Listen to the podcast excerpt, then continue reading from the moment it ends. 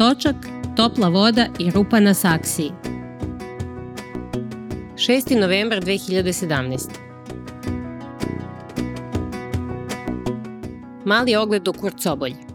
90. kada je ludilo otvaranja kafića po Beogradu bilo u punom zamahu, nerviralo me što se svaki ćumez od lokala pretvara u kafe.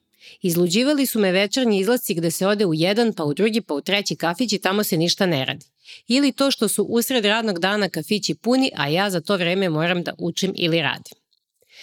Kafića danas ima više nego ikada pre, ali koliko god da ih ima, potrebno nam je još. Na svakom uglu bih otvorila po jedan ili dva da kogod hoće i kad hoće može da zableji po mogućnosti tokom radnog vremena. Kafić kao mesto otpora i strž ekonomije. O tome u Americi mogu samo da sanjaju. Tamo u centru grada usred dana ne možeš da sedneš na kafu. Postoje samo prazni barovi u kojima sedi krajnje sumnjiva klijentela. Ne bi bilo ni isplativo držati kafić jer ko će da pije kafu kad svi rade do smrti, a i nastavljaju nakon smrti i još osjećaju krivicu kada umru. Zbog toga ova naša kurcobolna kultura kafenisanja vremenom dobija sve veću civilizacijsku vrednost. Hvala Turcima što su nam doneli kurcobolju. Nije da nam nešto mnogo dobro ide u društvu, ali bez sedenja po kafićima ne bi išlo nikako. Taj paradoks što neko bleje u kafiću, iako to najčešće ni objektivno ni subjektivno ne može da priušti, i to je doprinos civilizaciji.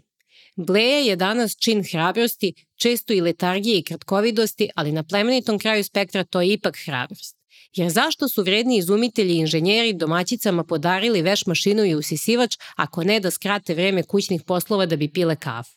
Zašto je uopšte izmišljen računar? Negde usput zajebali smo se sa upotrebom vremena i zato blejenje u kafiću vraća stvari u svoj prirodni poredak. Da se svet razvijao kako je trebalo, danas bi svi ujutru obavili po nekoliko poslova da omoguće da se zemlja okreće i da ne pomremo od bolesti i gladi, a ostatak dana bi proveli u kafiću ili na proplanku, na plaži ili prebirući po gitari. Umesto toga samo funkcionišemo po cele dane bez jasnog cilja i smisla.